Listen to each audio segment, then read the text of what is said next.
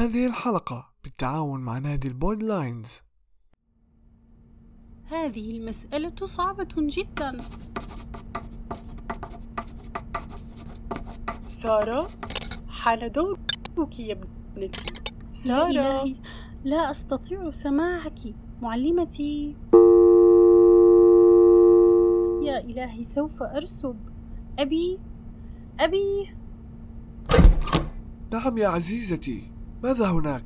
أه لقد انقطع الاتصال مع معلمتي وكانت تريد أن تسألني يا إلهي لا أريد أن أرسب أبي أرجوك لا تقلقي سأكلم شركة الإنترنت ليجعلوا الشبكة أقوى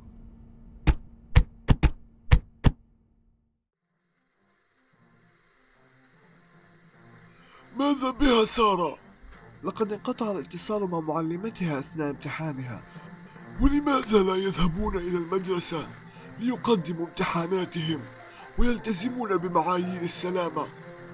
كان هناك العديد من الطلاب مصابين بالفيروس ولقد أخلوها.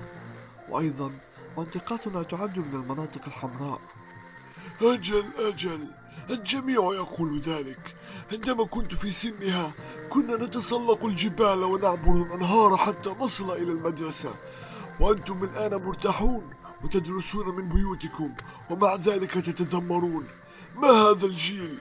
ولكن يا جدي زمنكم غير زمننا. وأيضا هذا المرض خطير جدا. إنه يقتل الآلاف كل يوم. أعرف لأنهم لا يهتمون بأنفسهم ولا يوقون نفسهم جيدا. أوف حسنا.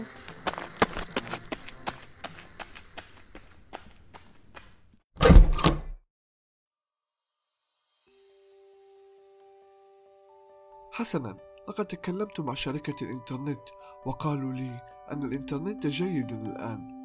لماذا أرى على وجهك الحزن عزيزتي؟ إنني أكره حياتي هكذا يا أبي. فأنا لا أستطيع الدراسة جيدا لأن الإنترنت لا يكون جيدا عندما أدخل الصفوف الافتراضية للحصص. وجدي يقول إن هذا المرض ليس بشيء. لا تقلقي عزيزتي. فجدك لم يعني ذلك فلا تحزني منه. هذا المرض جدا خطير وعلينا الحفاظ على أنفسنا. أعرف يا أبي ولكني اشتقت للمدرسة. اشتقت للذهاب صباحا إلى مدرستي حيث أمشي في الشارع مع أصوات زقزقة العصافير وأصل إلى بابها الملون. وهناك أقابل أصدقائي ومعلماتي. إنني فقط اشتقت لهذا الشعور. أعرف يا بنيتي ولكن مع أن هناك عيوبا في التعليم عن بعد أيضا هناك فوائد صحيح؟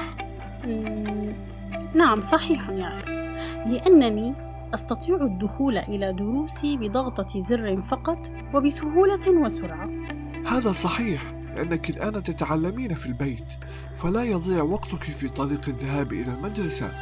بل يمكنك الآن متابعة دروسك بسهولة واستثمار وقتك فيها. بدل الوقت الذي كان يضيع في الطريق إلى المدرسة فهناك بيت شعر يقول كم عز أقوام جنوا من وقتهم أغلى الثمار فهم به أحياء.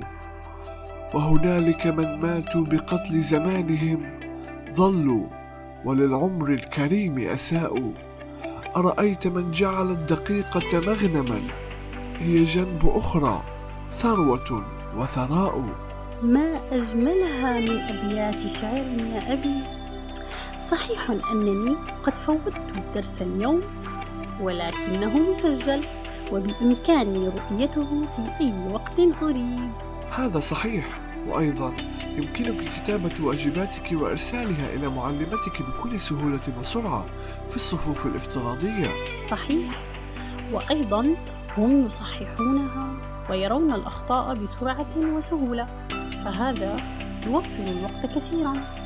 أجل أحسنت ولكن لا تنسي أيضا أن بالتعليم عن بعد أصبح المعلمون يقدمون المعلومات بطرق حديثة وأكثر إبداعا. هذا صحيح يا أبي.